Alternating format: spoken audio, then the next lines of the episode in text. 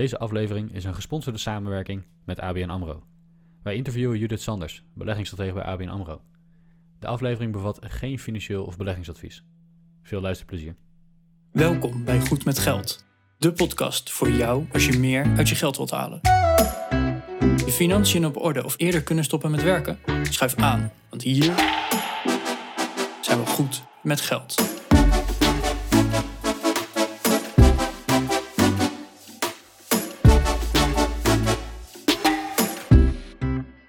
Aflevering 105 van de Goed met Geld podcast. Ik ben Bas En hier zit Arjan. en we zijn met z'n eh, drieën vandaag. We hebben een eh, gast in de studio. Welkom, Judith Sanders, beleggingsstratege bij ABN AMRO. Leuk dat je wil aanschuiven. Ja, graag gedaan. Ja, vandaag gaan we het hebben met Judith over hè, beginnen met beleggen. Eh, waar kan je rekening mee houden? Wat is beleggen misschien wel? Hè? Nog de stap ervoor, maar waar kan je rekening mee houden? Eh, en alle opvolgende vragen misschien wel. Van ja, de, als je begint met beleggen, dat, dat is misschien wel eng. En dat klinkt heel gek, maar ja, die, die eerste stap, je, je stopt je geld ergens in. Wat gebeurt er dan mee? En zo verder. Dus ja, vandaag in de Goed met Geld podcast een, een echte beleggingsstrateeg. Maar voordat we daarmee gaan beginnen, Judith, kan je jezelf even kort introduceren? Ja, heel graag. Ja, mijn naam is Judith Sanders. Ik ben sinds 1994 werkzaam in het beleggingsvak, ehm, waarvan ruim 18 jaar als vermogensbeheerder actief geweest en sinds 2018 bij ABN AMRO werkzaam als beleggingsstrateeg. En in deze functie ben ik verantwoordelijk voor het uitdragen van eh, de beleggingsvisie en strategie ja, van de bank voor de Nederlandse markt. En daarnaast heb ik een, een focus op duurzaam beleggen. Oké, en ja, misschien om het, om het ietsje concreter te maken. Wat doe je op een dag? Wat, wat is jouw functie? Wat, wat zoek je uit? Of wat voor rapporten breng je uit? Wat, hoe, hoe ziet je dag eruit? Het is eigenlijk een, een, een, een communicatieve functie, noem ik het maar even, omdat ik de vertaalslag maak van het eh, investmentcomité, dus het beleggingscomité eh, en het economisch bureau, eh, naar de Nederlandse markt. Dus ik leg in feite uit van wat speelt er in de wereld en hoe gaan wij daar als ja, beleggingscomité van ABN AMRO daarmee om. Eh, dus ja, doen we aanpassingen of doen we die niet? Eh, en daarnaast vertel ik natuurlijk ook wat onze eh, toekomstverwachtingen zijn. En als er aanpassingen zijn, dan leg ik ook uit wat die aanpassingen zijn en waarom we die doen. Eh, dus dit is echt een, functie waarin ik heel veel praat met media. Ik schrijf columns, ik maak podcast. Eh, en daarnaast ook vlog ik bijvoorbeeld over actuele thema's. want het is natuurlijk een hele mooie manier om ook ja, je, je, je, je visie en strategie onder de aandacht te brengen. Eh, dus daar bestaat een deel van mijn dag uit, hè, het uitvoeren van die communicatie. Maar natuurlijk ook een heel groot deel van de dag ben ik simpelweg bezig met het lezen van alle publicaties die er zijn. Het is heel veel research, het is heel veel media, eh, dus heel veel nieuws tot mij nemen, zodat ik het ook op een aansprekende wijze kan eh, vertalen naar buiten toe. Wat goed. Merk je dan ook dat, ehm, dat jullie doelgroep in die communicatie jonger wordt? Je hebt het over vloggen, podcasten, dat soort nieuwe vormen van media. Eh, beleggen traditioneel voor misschien de, de grijze mannen. Wordt de doelgroep jonger? Ja, gelukkig wel. Gelukkig wel. Ehm, want inderdaad, als we kijken naar Nederland, Nederland is geen beleggingsland. Eh, als we kijken naar de Verenigde Staten, dan zie je dat daar beleggen door alle lagen van de bevolking eigenlijk veel meer geaccepteerd is en gedaan wordt. Eh, in Nederland eh, hebben we natuurlijk heel lang gezien dat beleggen eigenlijk meer, ja, ja, je noemt het een groep grijze mannen. Ik zou het niet zo mogen noemen, maar ik begrijp wel wat je bedoelt. Eh, maar daaronder zitten natuurlijk ook eh, jongere mensen en, en, en, en, en nog jongere mensen, eh, die we ook heel graag willen meenemen in het beleggen. Enerzijds omdat het natuurlijk ja, een heel leuk onderwerp is, maar aan de andere kant, en dat wil ik nog veel meer benadrukken, beleggen is een belangrijk middel om financiële doelen te kunnen realiseren. Of in ieder geval te kunnen werken naar het realiseren van je financiële doelen. Uh, en als we kijken naar Nederland, uh, ons sociaal stelsel, dan gaat dat steeds meer afkalven. Oftewel, mijn pensioen is al niet meer gegarandeerd, hè, maar het pensioen van de mensen onder mij uh, steeds minder. Dus je bent bijvoorbeeld op dat vlak steeds meer genoodzaakt om zelf voorzieningen te treffen. En ja, dan als je 18, 20 of 25 of 30 bent, ja, zeg ik, uh, ga eens kijken of beleggen voor jou kan. Hè? Want het moet wel kunnen. Je moet geld over hebben. Ja, wat er niet is, dan kan het niet. Maar heb je dat wel, ga dan eens kijken hoe je met beleggen uh, kunt beginnen uh, om uh, je toekomstige financiële doelen te bereiken. en dat klinkt heel zwaar, maar dat kan heel klein beginnen. maar daarmee maak je wel een enorme voorsprong naar de toekomst toe. want hoe langer je belegt, hoe langer je geld ook kan groeien. Uh, dus ja, ik vind het een hele mooie en goede ontwikkeling dat er steeds meer jongere mensen gaan beleggen. En wat mij betreft mogen dat er nog veel meer zijn. Ja, ik vind het meteen geweldig dat je ook eigenlijk onze doelgroep noemt 18 jaar, 25 jaar, het, de, de millennial generatie en zelfs de generatie die daar weer achteraan komt. Uh, ja, daar, daar doelen wij op en wij hopen inderdaad onze luisteraars daarmee ook te kunnen inspireren. Maar ja, voordat we dus zeggen van oké, ga nou beleggen, misschien is het goed om even beleggen in het, in het kort uit te leggen. Uh, ja, wij, wij zeggen altijd, je koopt een stukje van een bedrijf op het moment dat je een, stukje, dat je een aandeel koopt. Ja.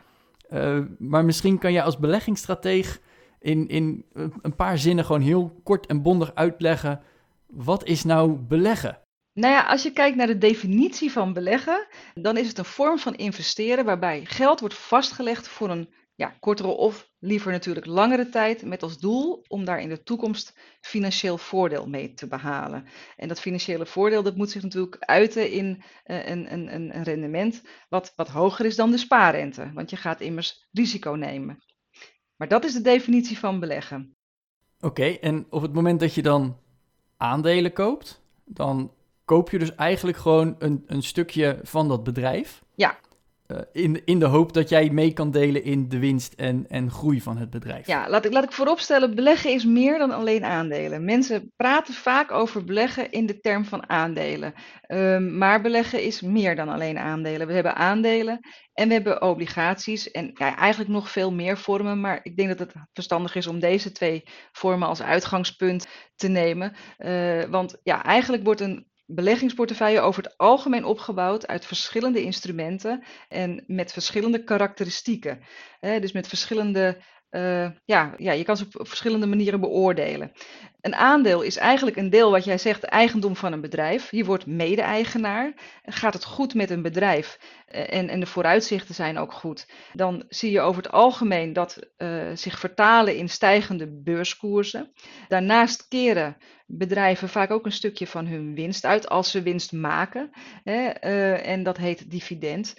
Dus bij een aandeel heb je eigenlijk twee vormen van rendement die je kan maken. Enerzijds een stukje koerswinst, anderzijds een stukje rendement.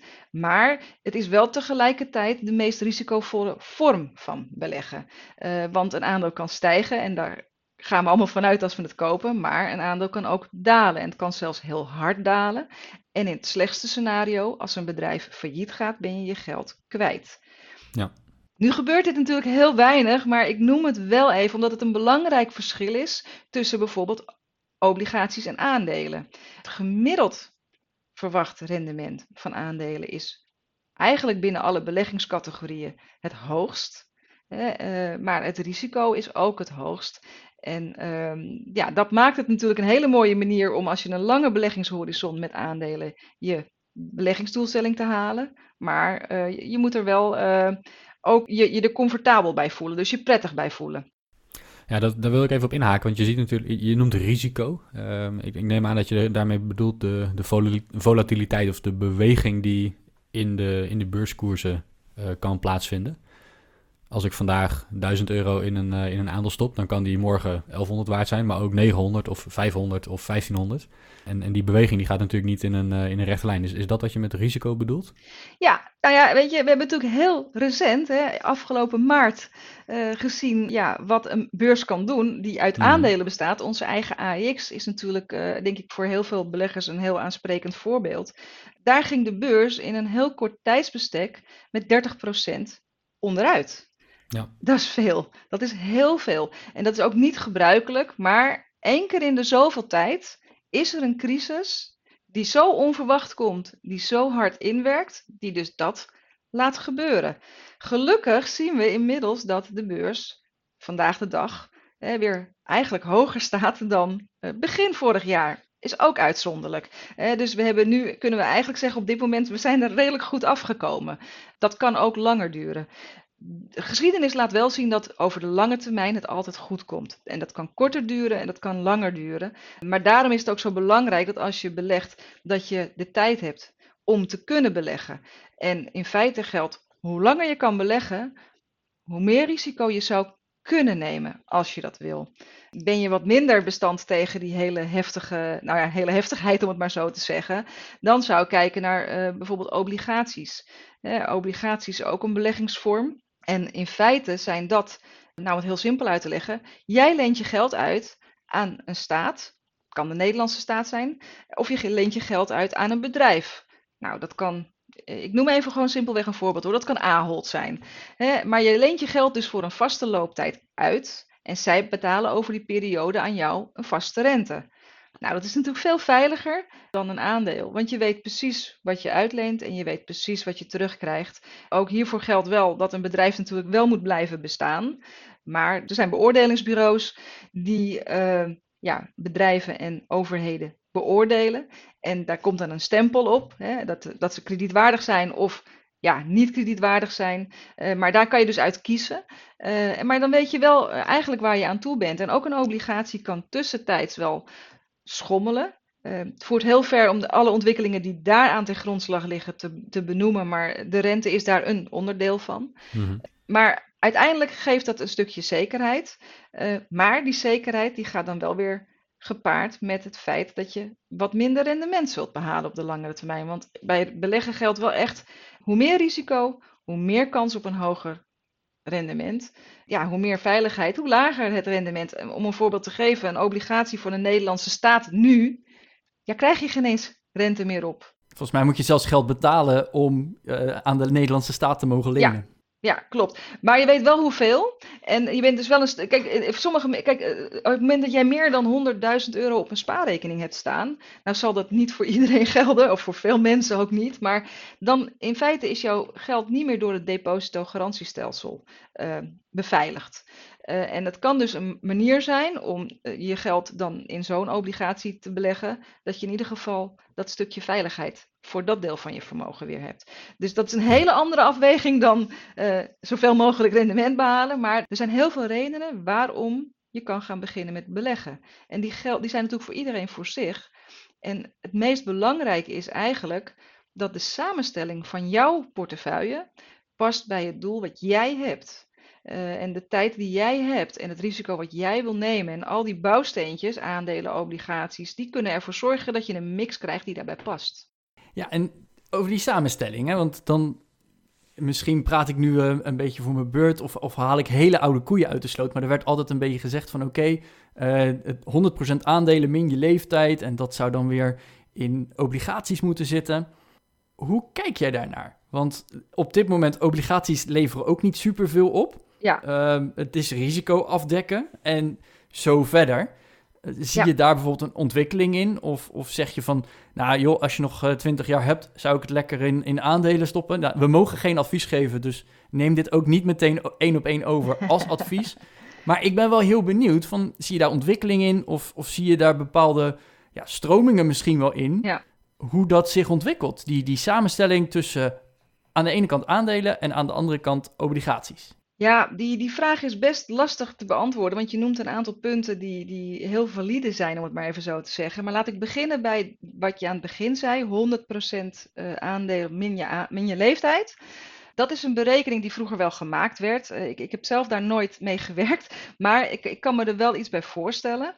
Uh, maar dan ga je voorbij aan een belangrijk principe, is dat, dat niet iedereen vindt persoonlijk het risico van aandelen prettig. En op het moment dat jij dus 100% van jouw zuurverdiende geld, wat je wel kan missen, maar waar je wel voorzichtig mee wil zijn, gaat beleggen in aandelen voor een heel groot deel. En je wordt bij iedere beweging van de beurs eigenlijk misselijk van ellende, omdat je je geld uh, ja, enorm ziet uh, bewegen, dan is dat geen goede rekensom. Uh, dus ik vind, uh, wij vinden, ook als bank, dat met name je, kijk, je doelstellingen zijn belangrijk, je financiële positie is belangrijk, je beleggingshorizon, maar ook je persoonlijke voorkeur, dus je persoonlijke risicohouding. En eigenlijk daar kom je achter door jezelf de vraag te stellen van ja, hoe reageer ik eh, als mijn, mijn, mijn potje, mijn vermogen, een keer 10% of 15% of 30% minder wordt. En geef daar ook eerlijk antwoord op naar jezelf. Want het is natuurlijk best moeilijk om daar een eerlijk antwoord op te geven als het niet gebeurt. Hè, maar denk dan even terug aan afgelopen jaar dat iedere 100 euro nog maar 70 euro waard was. Hè, dat 30% eraf ging. Hè, hoe vind je dat? In een stijgende markt durft iedereen risico te nemen natuurlijk. Ja, ja. Maar ga bij jezelf na. Kijk, we, we zien in het verleden dat aandelenmarkten uh, 40, 50 procent kunnen crashen in, in een hele korte tijd. Ja, hoe, hoe voel je jezelf op het moment dat jij 50 procent van jouw beleggingsportefeuille ziet verdampen in, uh, in, in twee maanden of drie maanden tijd? Daar moet je rekening mee houden, denk ik. En op het moment dat je zegt van, hoe, hoe ga ik daar dan mee om? Ja, als, ik, als ik dat neerwaarts risico wil dempen, dan zou je dus kunnen zeggen van, ik ga bijvoorbeeld obligaties of spaargeld toevoegen aan mijn portefeuille. Ja. Zodat als ik een deel obligaties heb, die zullen naar verwachting minder hard dalen in een crisis, of misschien zelfs wel iets stijgen, om op die manier een deel van, de, ja, van het neerwaartse risico weg te halen. Ja, daar, daarbij wil ik meteen ook een belangrijke tip geven. Denk niet als het goed gaat, ik gooi al mijn plannen die ik had overboord en ik ga nu max risico nemen. Want dan loop je echt achter de feiten aan. Het kan best zijn dat doordat jij bepaalde veiligheden hebt ingebouwd, jouw portefeuille net even iets minder goed doet dan wat je om je, om je heen ziet of hoort. Uh, maar wees consequent. Weet dat je dat met een bewuste reden hebt gedaan, want je zal zien dat dat weer terugbetaald wordt op het moment dat het even heel hard onderuit gaat. De, eh, een belangrijke regel bij beleggen is toch wel dat je consequent je beleggingsbeleid vervolgt. Uh, en, en daarmee heb je de grootste kans om het doel wat jij jezelf gesteld hebt te bereiken. Wat niet wil zeggen dat je geen aanpassingen moet doen. Hè. Wij kijken ook binnen onze ja, profielen, passen wij ook risico aan, maar wel binnen bandbreedtes. Iemand die in een, in een, in een profiel belegt met een wat laag risicoprofiel zal niet 100% in aandelen gaan. Maar als dan de bandbreedte bij van spreken tussen de 40 en de, uh, en de 20% is voor aandelen, dus tussen de 20 en de 40% is voor aandelen uh, dan zal je nu wat meer richting die maximale weging gaan, hè, omdat we toch vooruitkijken naar een, uh, ja, het licht aan het einde van de tunnel, wat nu een beetje in zicht lijkt te komen en daar wil je dan op inspelen. Uh, maar je gaat niet volledig in aandelen, dus binnen bandbreedtes beweeg je dan. Ja, want dat, dat klinkt dan heel mooi. Van oké, de aandelen zijn uh, 20% minder waard. Voor elke 100 euro die je erin had zitten, daar krijg je nu nog 80 euro voor dan wordt wel eens geroepen, oh, de aandelen zijn in de aanbieding. Ja. Dus uh, laat ik nu al mijn spaargeld erin zetten. Ja, dat, dat is dus niet handig, want het kan net zo goed zijn dat ze nu hè, nog 80 zijn, maar dat ze morgen opeens nog 60 zijn. Ja. En dan ben je ook opeens een hele smak geld kwijt. Ja, uh, ja natuurlijk, er is ook de kans dat het morgen 95 is, dus dan maak je een dikke pakker. Maar op het moment dat het uh, opeens heel veel daalt, je weet niet waar het nog verder heen kan dalen. Ja. En ik denk dat dat inderdaad heel goed is om ja, bepaalde bandbreedtes te zeggen van oké, dan pak ik nog 10% van mijn spaargeld en dat stop ik er eventueel in. Uh, en dan dus niet inderdaad je, je hele spaargeld. Want het kan morgen opeens ook een heel groot stuk minder zijn. Ja. En ja, dat zijn dus inderdaad die risico's. Nou ja, kijk, afgelopen maart hebben we natuurlijk gezien dat na de crash, om het maar even zo te noemen, dat er een, nou, een record aantal mensen bele beleggingsrekeningen overal hebben geopend. Hè? Hmm. Bij ons en bij collega's. Ja, er waren heel veel, heel veel wachtrijen zelfs om een beleggingsrekening te kunnen openen. Ja, wachtrijen. En wat je dan gaat krijgen is dat mensen misschien, uh, en dat geldt absoluut niet voor iedereen, hè, maar wel met een, een, een, een, een gedachte gaan beginnen met beleggen. Zo van, ik ga dat herstel pakken. Maar dat herstel, dat, dat, dat hoeft niet heel snel te komen. Nog sterker, en zo'n herstel kan ook nog een keer gepaard gaan met nog even een, een, een, een, een, een daling. Uh, en wat ik dan wel hoop, is dat mensen daar niet van schrikken. Dat het dan niet een negatieve ervaring wordt met beleggen. Terwijl uh, je eigenlijk een goede stap neemt. Hè? Want je begint op een moment, nou ja, je kan zeggen, historisch gezien, uh, uh, pak, pak, je een kans. maar geef die kans dan ook wel de, de, tijd om een echte kans te zijn. En om echt ook bij te dragen aan wat je in de toekomst wil bereiken. Ja, want inderdaad, en nu, we nemen dit op halverwege januari 2021. Dus dat is uh, tien maanden na die grote crash in maart. Want hè, dat ging echt gewoon 30% af. Dat was echt een flinke. Ja, we zitten nu weer ongeveer op net boven het niveau, geloof ik zelfs, van uh, begin maart 2020. Maar dit had ook zomaar vijf, misschien wel tien jaar kunnen duren voordat je weer op dit niveau zat. Ja. Hè? En wie weet dat we over twee weken komen we er misschien wel achter dat er weer iets aan de hand is. En dan dalen we nog een keer 40%. Ja, wat gebeurt er dan? Dat weet je gewoon niet. Dus inderdaad, gun het die tijd om om te herstellen. Ja, dat is echt heel belangrijk, want uh, dit is wel echt een beweging die, uh, die heel heftig is geweest. Uh, ook heel anders dan andere eerdere crisis. Hè. Daar ligt ook een hele andere oorzaak aan ten grondslag. Dus het is ook niet gek dat die beweging zo is geweest. maar ehm, ja, we, hou daar rekening mee dat dat wel kan gebeuren. Ja, wat ik zelf altijd prettig vind is om mijn, mijn investering een beetje te spreiden. Ik beleg zelf in aandelen en in obligaties. Maar dat doe ik uh, door middel van indexfondsen. Dus ik, uh, ik koop geen losse aandelen, ik koop geen AHOLD, geen ABN, geen nou, KLM, noem het maar op. Maar ik, ik koop een, een, indexfonds. Er zitten duizenden bedrijven in dat, in dat fonds. En, en dat is ook meteen een middel om, om risico te spreiden natuurlijk. Want als een van die bedrijven failliet gaat, ja, als, je alleen, als ik alleen in KLM had belegd in, in maart, ja, dan had dat heel veel pijn gedaan. Uh, in de index heeft het wat minder pijn gedaan. Hè? Want de, hele index als totaliteit misschien 30 of 35 procent gedaald. Uh, in bepaalde branches is dat veel ernstiger geweest. Is, is dat iets waar jullie ook rekening mee houden? Uh, in, in, is er een afweging voor jou tussen losse aandelen kopen versus het kopen van indexfondsen of ETF's? Ja, zeker. Kijk, wat jij aangeeft is een, is een hele belangrijke reden om daarvoor te kiezen. Kijk, beleggen in aandelen of beleggen in, in fondsen of beleggen in, in, in, in, in trackers of iShares of nou ja, er zijn natuurlijk wat varianten van. Uh, dat is een persoonlijke keus. Uh, maar wat belangrijk is om te weten, spreiding is een belangrijk principe bij beleggen. En door verschillende aandelen of obligaties te kopen, verlaag je het risico van je portefeuille. Eh, want wat jij zegt, als je vandaag twee aandelen koopt en er gaat er één uh, ja, uh, door de midden, of, of, dan heb je echt een groot verlies. Uh, en op het moment dat je ehm, dat weer moet goed gaan maken, dan ben je echt afhankelijk van één bedrijf. Mm. nou, dat moet je niet willen als belegger. Dus begin je net met beleggen en heb je ook nog niet zoveel vermogen, dan is het heel moeilijk om spreiding aan te brengen. Hè? Dan is zo'n zo'n ETF is een hele mooie oplossing. om, om daarmee wel de spreiding die je nodig hebt aan te brengen. Het is wel vaak zo dat er natuurlijk een ETF, dat is vaak of een aandelen-ETF is, of een obligatie-ETF. Dus kies je voor zo'n aandelen-ETF, dan, dan heb je dus weer het aandelenrisico.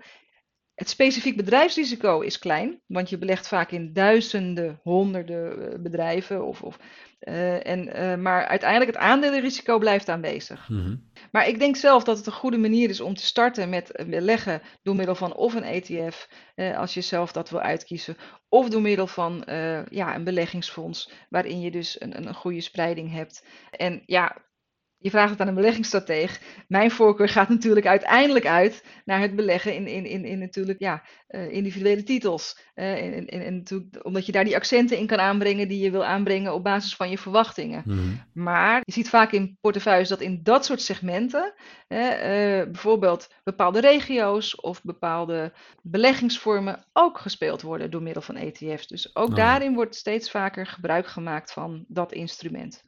Waar ik dan wel benieuwd naar ben. jouw voorkeur is gewoon ja, het liefst losse aandelen of daar, daar een focus op te leggen in plaats een, een ETF. Vanaf welk bedrag zou je dan daarnaar gaan kijken? Want als iemand begint met beleggen en die begint bijvoorbeeld met 500 euro. Ja, met 500 euro is het heel lastig om überhaupt een aandeel Tesla bijvoorbeeld te kopen.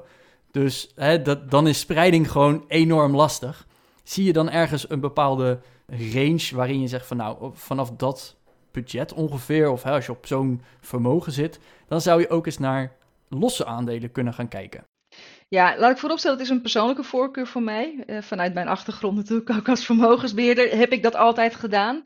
Maar als, we, als ik het vertaal zeg maar naar de bank, dan beleggen wij vanaf 500.000 euro uh, in individuele titels. Omdat je dan echt portefeuilles hebben die hebben tientallen individuele titels. Dus daarnaast, en daarnaast worden ook nog uh, weer ook fondsen toegevoegd hoor, voor spreiding. Maar om even terug te gaan natuurlijk naar de doelgroep waar we voor spreken. Kijk, je moet echt wel 15 tot 20 titels in je portefeuille hebben, wil je wat spreiding aan kunnen brengen. Uh, dus, en, en dan moet je ook goede keuzes maken. Uh, dus er komt ook meer bij kijken, hè? want uiteindelijk moet je dus een, een mening gaan vormen uh, over een bedrijf of een obligatie, een verwachting gaan formuleren. Dus als je zelf gaat beleggen in aandelen, ben je ook aan jezelf verplicht om tijd te investeren in kennis en kunde. Want je moet die bedrijven gaan volgen, je moet economie, economische ontwikkelingen gaan volgen. Dus het is uh, niet makkelijker om het zelf te doen in aandelen of obligaties. Het is, het is, er komt wel echt meer bij kijken. Daarvoor moet je ook wel echt een liefhebber zijn. Ja, dat brengt me eigenlijk een beetje tot het, tot het volgende uh, onderwerp. Op het moment dat je in, in losse aandelen of in losse titels, zoals jij het noemt, gaat beleggen, dan ja, daar, daar komt veel meer analyse bij kijken. De, de strategie die ik persoonlijk aanhoud is, ik dump elke maand een bedrag in dat indexfonds en ik kijk er verder niet meer naar om. Als de beurs hoog staat, dan koop je er wat minder van. Als de beurs laag staat, dan koop je wat, wat meer stukken. Uh, en, en, op die manier breng ik een, nou, een vrij eenvoudige, ja, een hele hands-off approach uh, manier heb ik om spreiding aan te brengen. Op het moment dat je losse aandelen gaat kopen, dan moet je de informatie gaan volgen, de economie gaan volgen, uh, specifieke bedrijfsstukken gaan lezen en gaan analyseren. En dan komt er op een gegeven moment dat je zegt van dit kost mij zoveel tijd, misschien moet ik dat laten doen. Dus eigenlijk het, het volgende onderwerp dat we wilden bespreken was, als je gaat beleggen, ga je dat zelf doen of ga je dat laten doen? Je noemde al dat er beleggingsfondsen zijn. Er zijn aanbieders ook in Nederland die, die fondsen aanbieden waarin voor jou belegd wordt. Ja. Maar je kan ook zelf zeggen, ik ga naar een online broker, ik, ik ga het zelf doen. Dus, dus hoe zie jij die nuance daarin? Ja, nou het belangrijkste bij de keuze of je het zelf gaat doen of gaat laten doen, is echt ja, hoeveel tijd en energie ga je erin stoppen om, om, om kennis te krijgen van de ontwikkeling op de markt. Uh, je ja, echt te weten wat, wat instrumenten kunnen en, en wat de voor's en tegens zijn. Uh, en op het moment dat je dat heel leuk vindt, dan, dan is zelf beleggen natuurlijk heel erg leuk om te doen. Maar dat geldt voor weinig mensen, heb ik ervaren. Uh, als je kijkt ten opzichte van de groep die zou kunnen beleggen. Uh, dus uh, vaak komt het erop neer dat, dat mensen kiezen voor een vorm uh, van een stukje begeleiding of vermogensbeheer. Nou, als je kijkt bij begeleiding, dan heb je het vaak over, en dat geldt dan even voor bij ons, uh, dat, dat je mee wordt genomen in het traject naar het beleggen toe. Dus we helpen je met het formuleren van je doelstellingen, je risicohouding, uh, ja, het maken van een plan. Wat heb je nodig om dat te bereiken? En daar komt dan een, een, een, ja, een beleggingsprofiel uit. Uh, en dat profiel sluit daarbij aan. En dan kan je zelf ja, goed volgen hoe de beleggingen gaan, maar je bent niet degene die, die de, de beslissingen neemt. Uh, dus dus dat, is, dat is bij ons dan begeleid beleggen. Bij ABN AMRO heb je verschillende uh, proposities. Uh, je kan zelf beleggen. Dan ben je dus echt verantwoordelijk voor de invulling van je portefeuille. Maar hebben we twee types, zelfbeleg basis en zelfbeleggen plus, waarmee je dat kan doen. Nou, basis is eigenlijk dat je kan kiezen uit een selectie van aandelen en beleggingsfondsen. En zelfbeleggen plus is uh, een, een, versie die wat meer beleggingsvormen heeft, een groot, groter beleggingsspectrum heeft. Dus je kan meer kiezen uit meer instrumenten. Maar als je dat lastig vindt, dan kan je ook kiezen voor begeleid beleggen. En met begeleid beleggen helpen we je eigenlijk in het traject naar het beleggen toe. Dus we gaan met jou samen uh, een, een, een beleggingsdoel formuleren, je risicohouding inventariseren, een beleggingshorizon afspreken. En op het moment dat dat rond is, dan gaan wij de beleggingen invullen en kan je dus je beleggingen goed volgen. Uh, maar ja, zit er een vermogensbeheerder die uh, het beleggingsbeleid voor jou verder uitvoert, dus de beleggingsbeslissingen neemt. Um, daarnaast heb je ook nog vermogensbeheer. En dan zeg je echt van, ja, ik geef alles uit handen. Uh, ook daar wordt natuurlijk wel aan de hand van jouw uh, persoonlijke wensen en eisen op risicovlak, op beleggingshorizon, beleggingsdoel, uh, een beleggingsplan gemaakt. maar dan gaat echt een vermogensbeheerder, een, special, een team van specialisten voor jou aan de slag om daar invulling aan te geven. en dat is een manier die ja, vaak past bij mensen die zeggen, ja, ik heb geen tijd of geen zin om zelf uh, die beleggingen helemaal in de gaten te houden. Ik wil gewoon periodiek geïnformeerd worden hoe ik ervoor sta, en, uh, maar jullie moeten het uitvoeren. Zie je ook dat, um, uh, dat er een onderscheid is in de, in de vermogens die in de verschillende proposities van jullie worden belegd? Nou ja, weet je, wat je zegt is een hele goede. Voor veel mensen is beleggen best een stap. Je gaat risico nemen met je geld. Het risico is niet helemaal te ja, uh, te kwalificeren, zeg maar. Dus wat een logische reactie is dat mensen vaak zeggen: ik begin voorzichtig. Mm -hmm. dus een zelfbeleggen rekening kan je openen vanaf 50 euro. Dan kan je je eerste stapjes op beleggingsvlak maken. Vermogensbeheer, echt vermogensbeheer, is vanaf 50.000 euro. Dus daar zit echt een enorm verschil in. Dus, maar ook mensen die wel dat geld hebben om het te kunnen doen, maar geen beleggers zijn van huis uit beginnen vaak met zelf beleggen. Simpelweg omdat je dus zelf even kan voelen, ja, ik zeg altijd hoe koud het water is. Mm. want dat is eigenlijk wat je doet. Daarnaast hebben we natuurlijk met begeleid beleggen, dat kan vanaf 50 euro. Eh, dus dat is vermogensbeheer, maar waar, waar je die aanzet zelf maakt. Mhm. Nou, daar kan je dus eigenlijk zeggen, ja, je hebt wel iemand die het voor je doet vanaf 50 euro. Dus ja, eh, je ziet wel natuurlijk de, de, de dienstverlening als het gaat om vermogensbeheerder, wordt steeds uitgebreider naarmate mensen meer vermogen hebben. Ja, dus als ik het goed hoor, heb je eigenlijk eh, vier smaken eh, bij, de, bij de ABN AMRO. Dus hè, het, zelf doen tot aan het volledig uitbesteden en nog een aantal stappen daartussen. Maar stel nou, hè, een van onze luisteraars die zegt van nou, ik, ik wil inderdaad gaan beleggen of ik, ik twijfel daarover. Wat is dan die eerste stap? Ga je, loop je gewoon de ABN AMRO binnen, loop je naar een adviseur en zeg je ik wil gaan beleggen? Of hoe, hoe begin je daar? Want da- daar zit nog een stap tussen, denk ik. Ja, daar zit zeker een stap tussen. En kijk, voor zelf beleggen en begeleid beleggen kan je eigenlijk online starten. Dus dan kan je online, ja, door middel van een, een, een- een intakeformulier jouw wensen en eisen aangeven. En dan eh, kom je uiteindelijk op het moment dat, je dus, eh, dat er een rekening geopend wordt. En dat, ja, dat je dus door middel van een app ja, je eerste stappen kan gaan maken. Dat is eigenlijk vrij eh, eenvoudig om, om dat te volgen. Bij zelf beleggen heb je eh, als voordeel dat je dan ook toegang krijgt tot ja, eh, informatie die voor jou belangrijk is. Hè? Want zelf beleggen is zelf keuzes maken. En dan ondersteunen we je wel eh, met ja, content, met research, om ook die beslissingen te nemen. En binnen, dat, binnen die propositie zijn ook zeg maar fondsen opgenomen waarvan wij zeggen, ja, daar kan een zelfbeleggende klant op een verantwoorde manier uit kiezen. Want dat is natuurlijk ook heel belangrijk. Want vergis je niet, er zijn ongelooflijk veel beleggingsvormen beschikbaar. Eh, en niet alles is even passend. En binnen, dat, eh, binnen die kaders kan je dus een, een, een verantwoorde keus maken. Waarbij ik natuurlijk moet zeggen, ja, kies je voor één aandeel, dan maak je nog steeds een onverantwoorde keus. Maar eh, het, het gaat erom dat je binnen die kaders dus wel informatie krijgt waar je je beleggingsbeslissingen op kunt baseren. En dat geldt dus voor het zelfbeleggen. Nou, heb je zelfbeleggen plus dan, is, dan wordt zeg maar, de selectie van beleggingen waar je uit kan kiezen, wordt groter. Ehm, waar zelfbeleggen basis echt Europa is. Eh, en een, even uit mijn hoofd een, een, ETF we- die wereldwijd belegt. eh, en de, de selectie van aandelen is echt gericht op Europa. Is dat bij zelfbeleggen plus wordt die selectie gewoon groter. Meer bedrijven om uit te kiezen, meer regio's om uit te kiezen, meer beleggingsinstrumenten om uit te kiezen. Ehm, dus dat is op zich natuurlijk heel aantrekkelijk als je die instrumenten ook op een goede manier kunt gebruiken.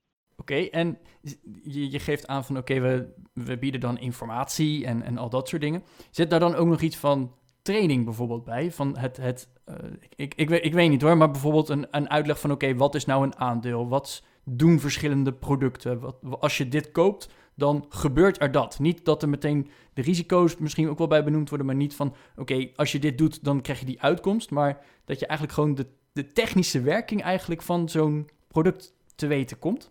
Ja, we hebben, we hebben geen echt ja, online trainingsprogramma.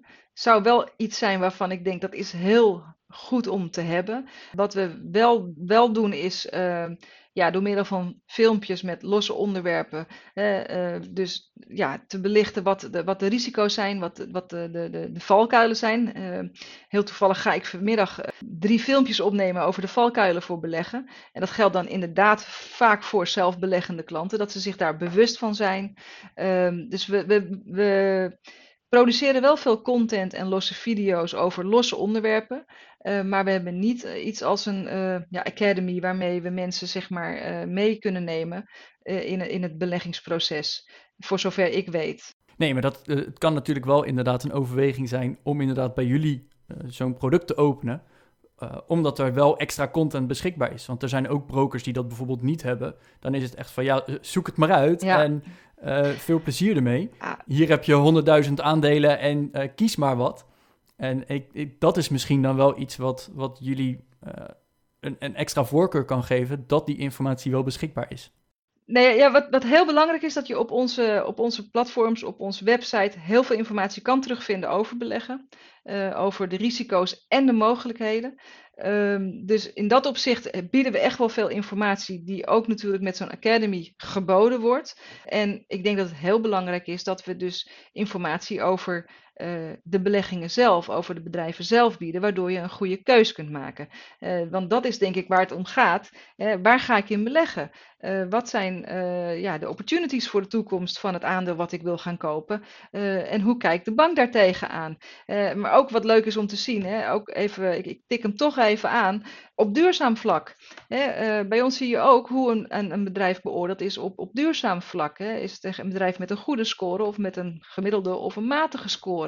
Dus dat je los van het feit dat je kiest voor het bedrijf en de toekomstperspectieven, ook kiest voor een bedrijf wat het op dat vlak goed of beter doet. is voor heel veel, eh, zeker voor de generatie van deze podcast, wordt dat veel vaker meegenomen eh, dan door de andere generaties. Dus die informatie die we bieden is heel waardevol om je beleggingsbeslissingen op een goede manier te kunnen nemen. Dankjewel Judith voor deze toelichting wat ABN AMRO biedt op het gebied van, uh, van beleggen erg verhelderend.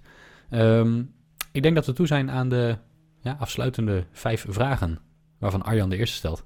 Ja, Judith, ehm, de, we hebben ze iets omgevormd om inderdaad op de inhoud uh, nog dieper in te kunnen gaan. Dus we gaan ze niet persoonlijk aan jou stellen, want anders hadden we gewoon gevraagd: wat is jouw grootste financiële blunder? Maar in dit geval zullen we vragen: oké, wat is nou de grootste financiële blunder die je kan begaan bij het beleggen? Of heb je misschien een anekdote die je hebt zien gebeuren? Ja, ik weet, ik weet niet of je van blunders moet spreken, ehm, maar wat, wat, wat, wel, uh, wat ik wel heb ervaren, ik, ik, loop al even mee in het effectenvak en dat betekent dat je ook wat crisis hebt meegemaakt. eind jaren 90 met de techbubbel, 9-11, uh, de kredietcrisis, uh, allemaal momenten waarop het ja, wel echt even heel spannend werd op die beurs. En um, wat je dan toch vaak krijgt, is dat mensen in het begin een soort van gelaten reageren, maar uiteindelijk wordt het toch wel zo heftig, zo'n ontwikkeling, dat uh, ja, dan toch de telefoon wordt opgepakt met het verzoek van verkoop al mijn beleggingen. En um, ja, dat is vaak het moment waarop je het niet moet doen. Uh, en dan is het natuurlijk uh, aan ons uh, om, om mensen uit te leggen wat de gevolgen kunnen zijn, ja, waarom we beleggen en, en, ook dat we een lange termijn hebben. en, en soms drukken mensen dan toch door. En dat kan je niet meer zeggen natuurlijk. Je kan nooit zeggen, we doen het niet. Je, je, je wil mensen behoeden voor het maken van een verkeerde stap, maar uiteindelijk bepaalt de klant. En dus heb ik ook in die periode wel ja, dat dan hele portefeuilles moeten liquideren. Uh, en dan ja, herstelde het daarna weer. En dan wilde diegene weer instappen na het herstel. Um, en dan krijg je eigenlijk het feit dat mensen dus echt achter de feiten aan het lopen zijn met hun, met hun resultaat. we zeggen altijd, het, het gemiddeld rendement op aandelen over de afgelopen decennia is ongeveer 6%. Dat is over decennia. Daar zitten dus echt grote dalen en grote pieken in. Uh, maar je hebt ze allebei nodig om tot dat resultaat te komen. Um, dus ja, ik vind het niet een blunder, omdat mensen natuurlijk emotioneel reageren en dat begrijp ik volledig. Maar ik uh, probeer wel altijd zoveel mogelijk om, om uh, ja, te voorkomen dat, uh, ja, dat dat gebeurt. in mijn huidige rol ben ik daar overigens niet meer verantwoordelijk voor. Maar ik communiceer wel heel veel in, in, in deze tijd en in die onrustige tijd. En dan doe ik toch vaak ook weer middels een vlog of een column een oproep van... dit is wat er speelt, maar houd het hoofd koel. Cool. Ja, hou je aan het plan misschien wel. Stick to your plan, ja. Wat is er nu mogelijk op beleggingsgebied? Dat vijf jaar geleden onmogelijk leek? Vind ik, uh, nou laat ik zo zeggen, ik weet niet of er de veranderingen op beleggingsgebied zelf uh, heel erg veranderd zijn het afgelopen vijf jaar. Maar wat in de afgelopen jaren enorm is veranderd, um, Vroeger hadden we als expert zeg maar een, een voorsprong op, op, uh, op kennisvlak. Want we hadden simpelweg meer informatie tot ons beschikking. we hadden research, contact met de bedrijven. En uh, ja. ja, dat, dat, dat, dat interpreteerden wij. En dan werd daar een, een advies uit geformuleerd. Of er werd, er, er werd dan wat mee gedaan. Of ook vaak niet. Hè, want niet alles wat je hoort, daar moet je direct wat mee doen. Nu, in de huidige tijd, uh, heeft iedereen bijna gelijkertijd allerlei informatie tot zijn beschikking. En het is goed dat we het tegelijkertijd hebben, maar in het allerlei zit het hem. Want niet alle informatie ja, is uh, even ja, up-to-date of correct. Of uh, ja, nou ja, Dr. Google noem ik het altijd. Er valt zat te vinden over bedrijven. En het spreekt elkaar vaak ook nog eens tegen.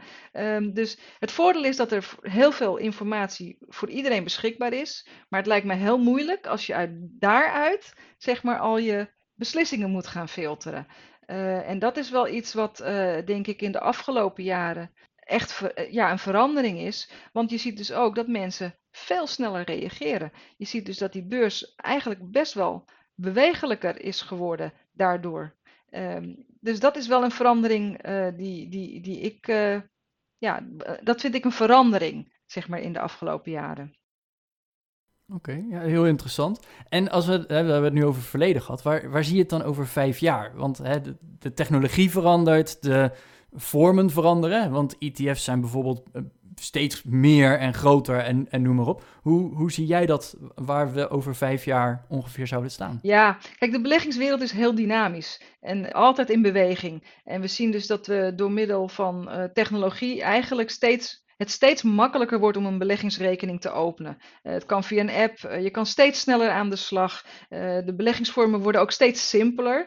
een groot voordeel is dat ze ook steeds transparanter worden. Je kunt heel goed terugzien waar beleg ik in, wat kost het. dus dat vind ik een hele positieve ontwikkelingen. Het is, ik vind het heel moeilijk in te schatten wat daar de, de, de, ja, de technologische ontwikkelingen in zullen zijn in de komende vijf jaar. Behalve dat alles steeds sneller gaat. En ja, dat, dat de markt altijd zal inspelen op een behoefte uh, om, om, om vooral gewoon door te blijven gaan. Hè. Ik pak hem dan liever even op naar, naar zeg maar beleggen zelf. Hè. En, en dan zien we dat uh, ja, een belangrijk thema ook voor de toekomst is duurzaam beleggen. Uh, en in, in, bij duurzaam beleggen, dat is enorm in opkomst in de afgelopen jaren al. Maar je kan ook afgelopen jaar weer zien dat natuurlijk uh, ja, dat eigenlijk nog meer versneld is. Uh, enerzijds natuurlijk omdat ja, natuurlijk vanuit uh, het klimaatakkoord van Parijs, de duurzame ontwikkeldoelstellingen, waar we natuurlijk in 2030 aan willen voldoen allemaal, uh, ja, daar, daardoor moeten bedrijven enorm omvormen en, en, en ja, op dat gebied dus ook rapporteren. En dus ook dat een heel belangrijk punt is bij de beoordeling van een van een aandeel, van een bedrijf of een obligatie.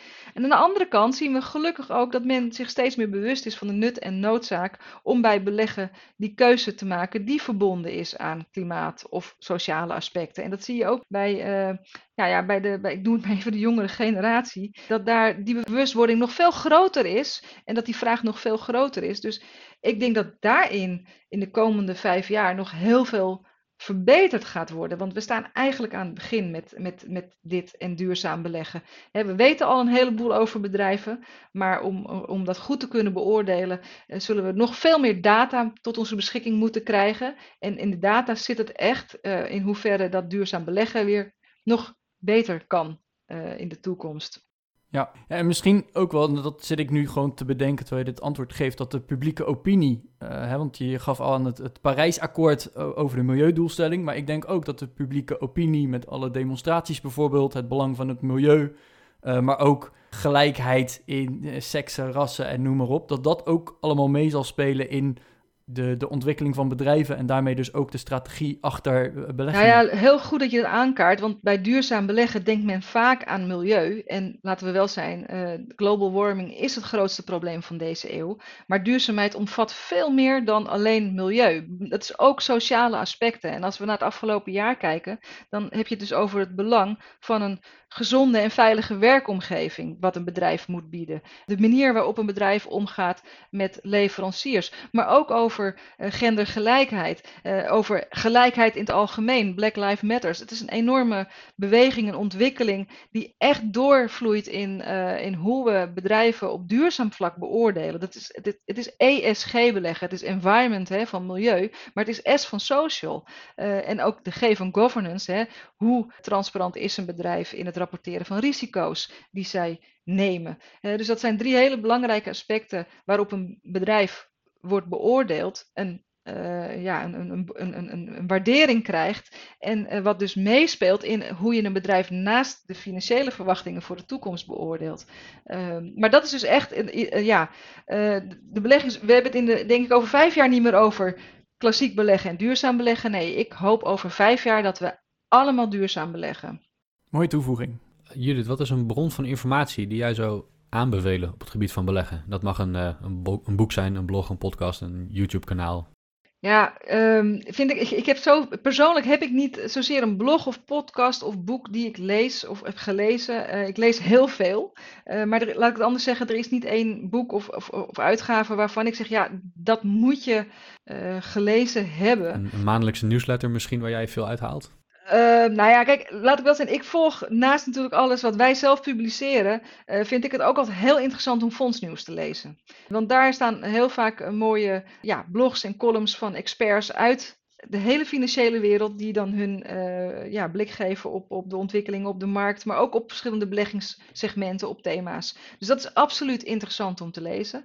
Ik vind zelf IAX ook altijd leuk om te lezen, gewoon puur om, om te zien hoe, hoe denken andere beleggers over de situatie. Dus, dus dat zijn voor mij wel sites uh, die ik altijd volg. Ja, en verder lees ik zelf natuurlijk ook vaak gewoon buitenlandse media, Financial Times. Ja, uh, ja dat, dat zijn voor mij wel de, de, de, de, de, de uitgaves die ik lees.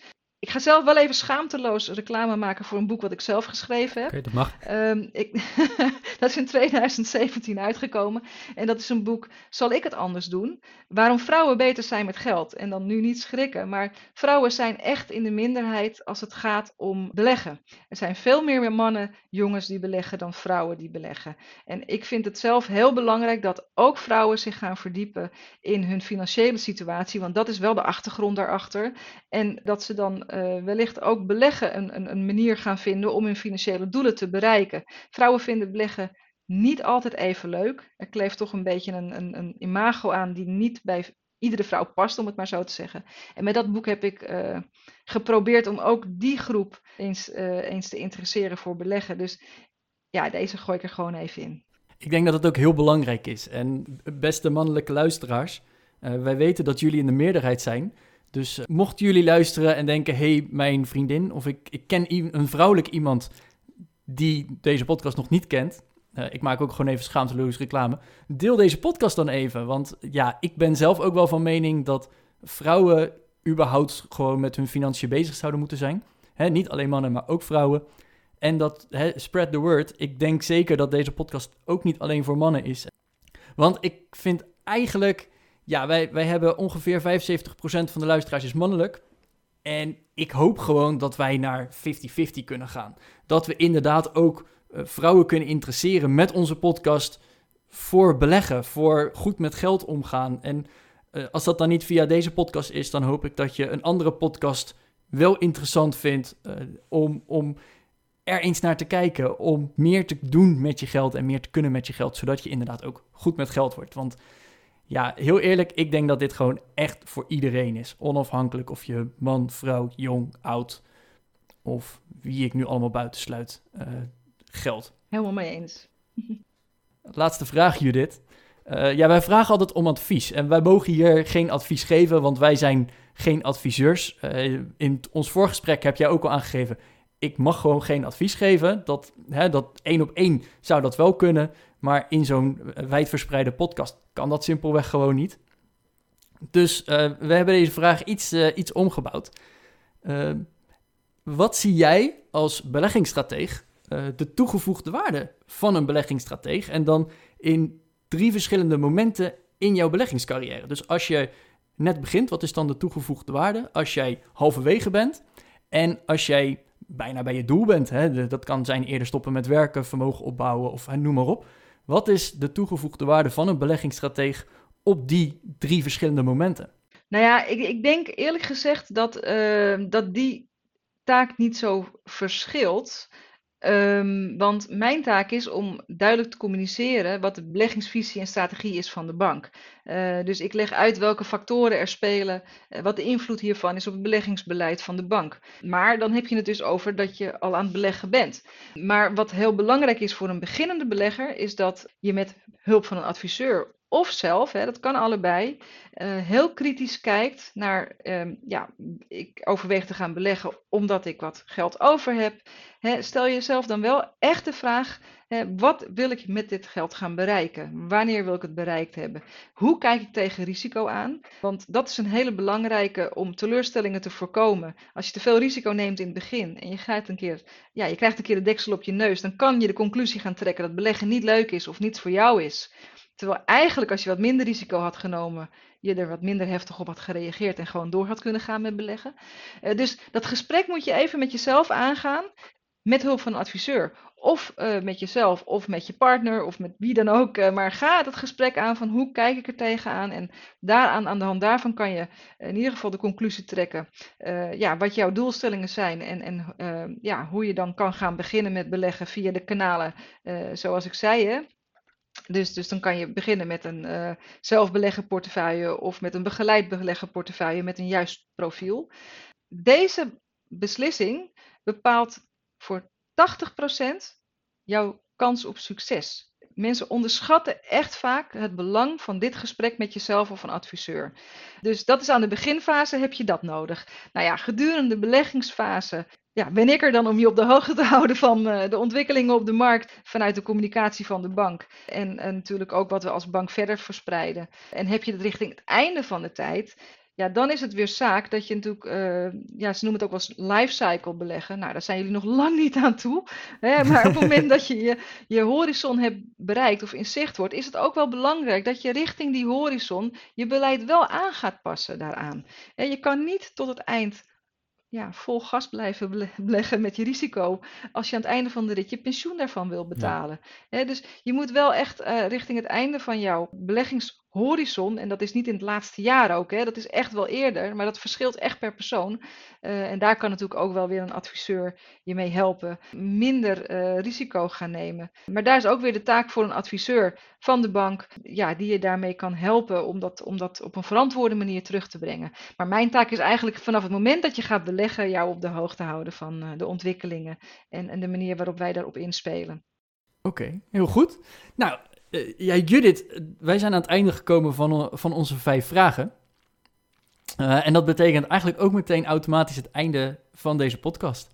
Wij willen jou in ieder geval heel erg bedanken voor jouw input in deze podcast. Ik heb er al een hoop van geleerd en ik denk vrij zeker dat onze luisteraars daar ook een hoop van hebben geleerd. Ja, goed te horen. Ik hoop echt dat dit uh, helpt met een aanzet om ja, te beginnen met beleggen of te blijven beleggen. Want ja, dat, is denk ik heel belangrijk. Ja, wij zullen op de show notes op onze website www.goedmetgeldpodcast.nl slash 105 links opnemen ook naar de beleggingsproducten van ABN AMRO die door Judith genoemd zijn vandaag. En ook naar de verschillende resources die zij genoemd heeft. Dus wil je wat meer lezen of nog een keer terugkijken van uh, waar hebben we het eigenlijk over gehad? Goedmetgeldpodcast.nl slash 105. Ja, beste luisteraar, dus uh, dankjewel voor het luisteren. Deel deze aflevering gerust. Je kan ons ook nog bereiken via Instagram, @goedmetgeld. Je kan ons mailen en ja, verzin het maar. Je, ons bereik is volgens mij een van de makkelijkste dingen. Deel deze podcast vooral, want ja, ik denk nog steeds dat onze, onze doelgroep nog steeds groter kan worden. En dat heel veel millennials, uh, maar ook daarbuiten nog heel veel kunnen leren hoe zij goed met geld om kunnen gaan. Tot, Tot volgende week. week.